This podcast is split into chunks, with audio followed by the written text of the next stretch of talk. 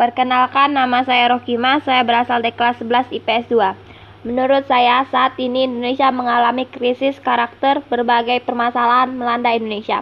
Salah satunya berkurang moral pemuda bangsa Indonesia, pengaruh narkoba dan pergaulan. Seakan sudah terbiasa hal tersebut karena hampir setiap hari berita yang ditayangkan di televisi dan berita koran maupun media sosial.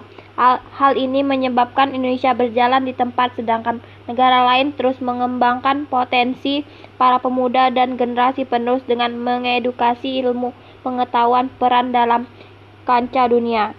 Seiring perkembangan zaman dan kondisi persaingan global yang semakin nyata, marilah kita pemuda Indonesia menjaga diri, membentengi diri dengan ilmu pengetahuan yang dapat membawa kemajuan dalam dalam diri kita di bangsa Indonesia.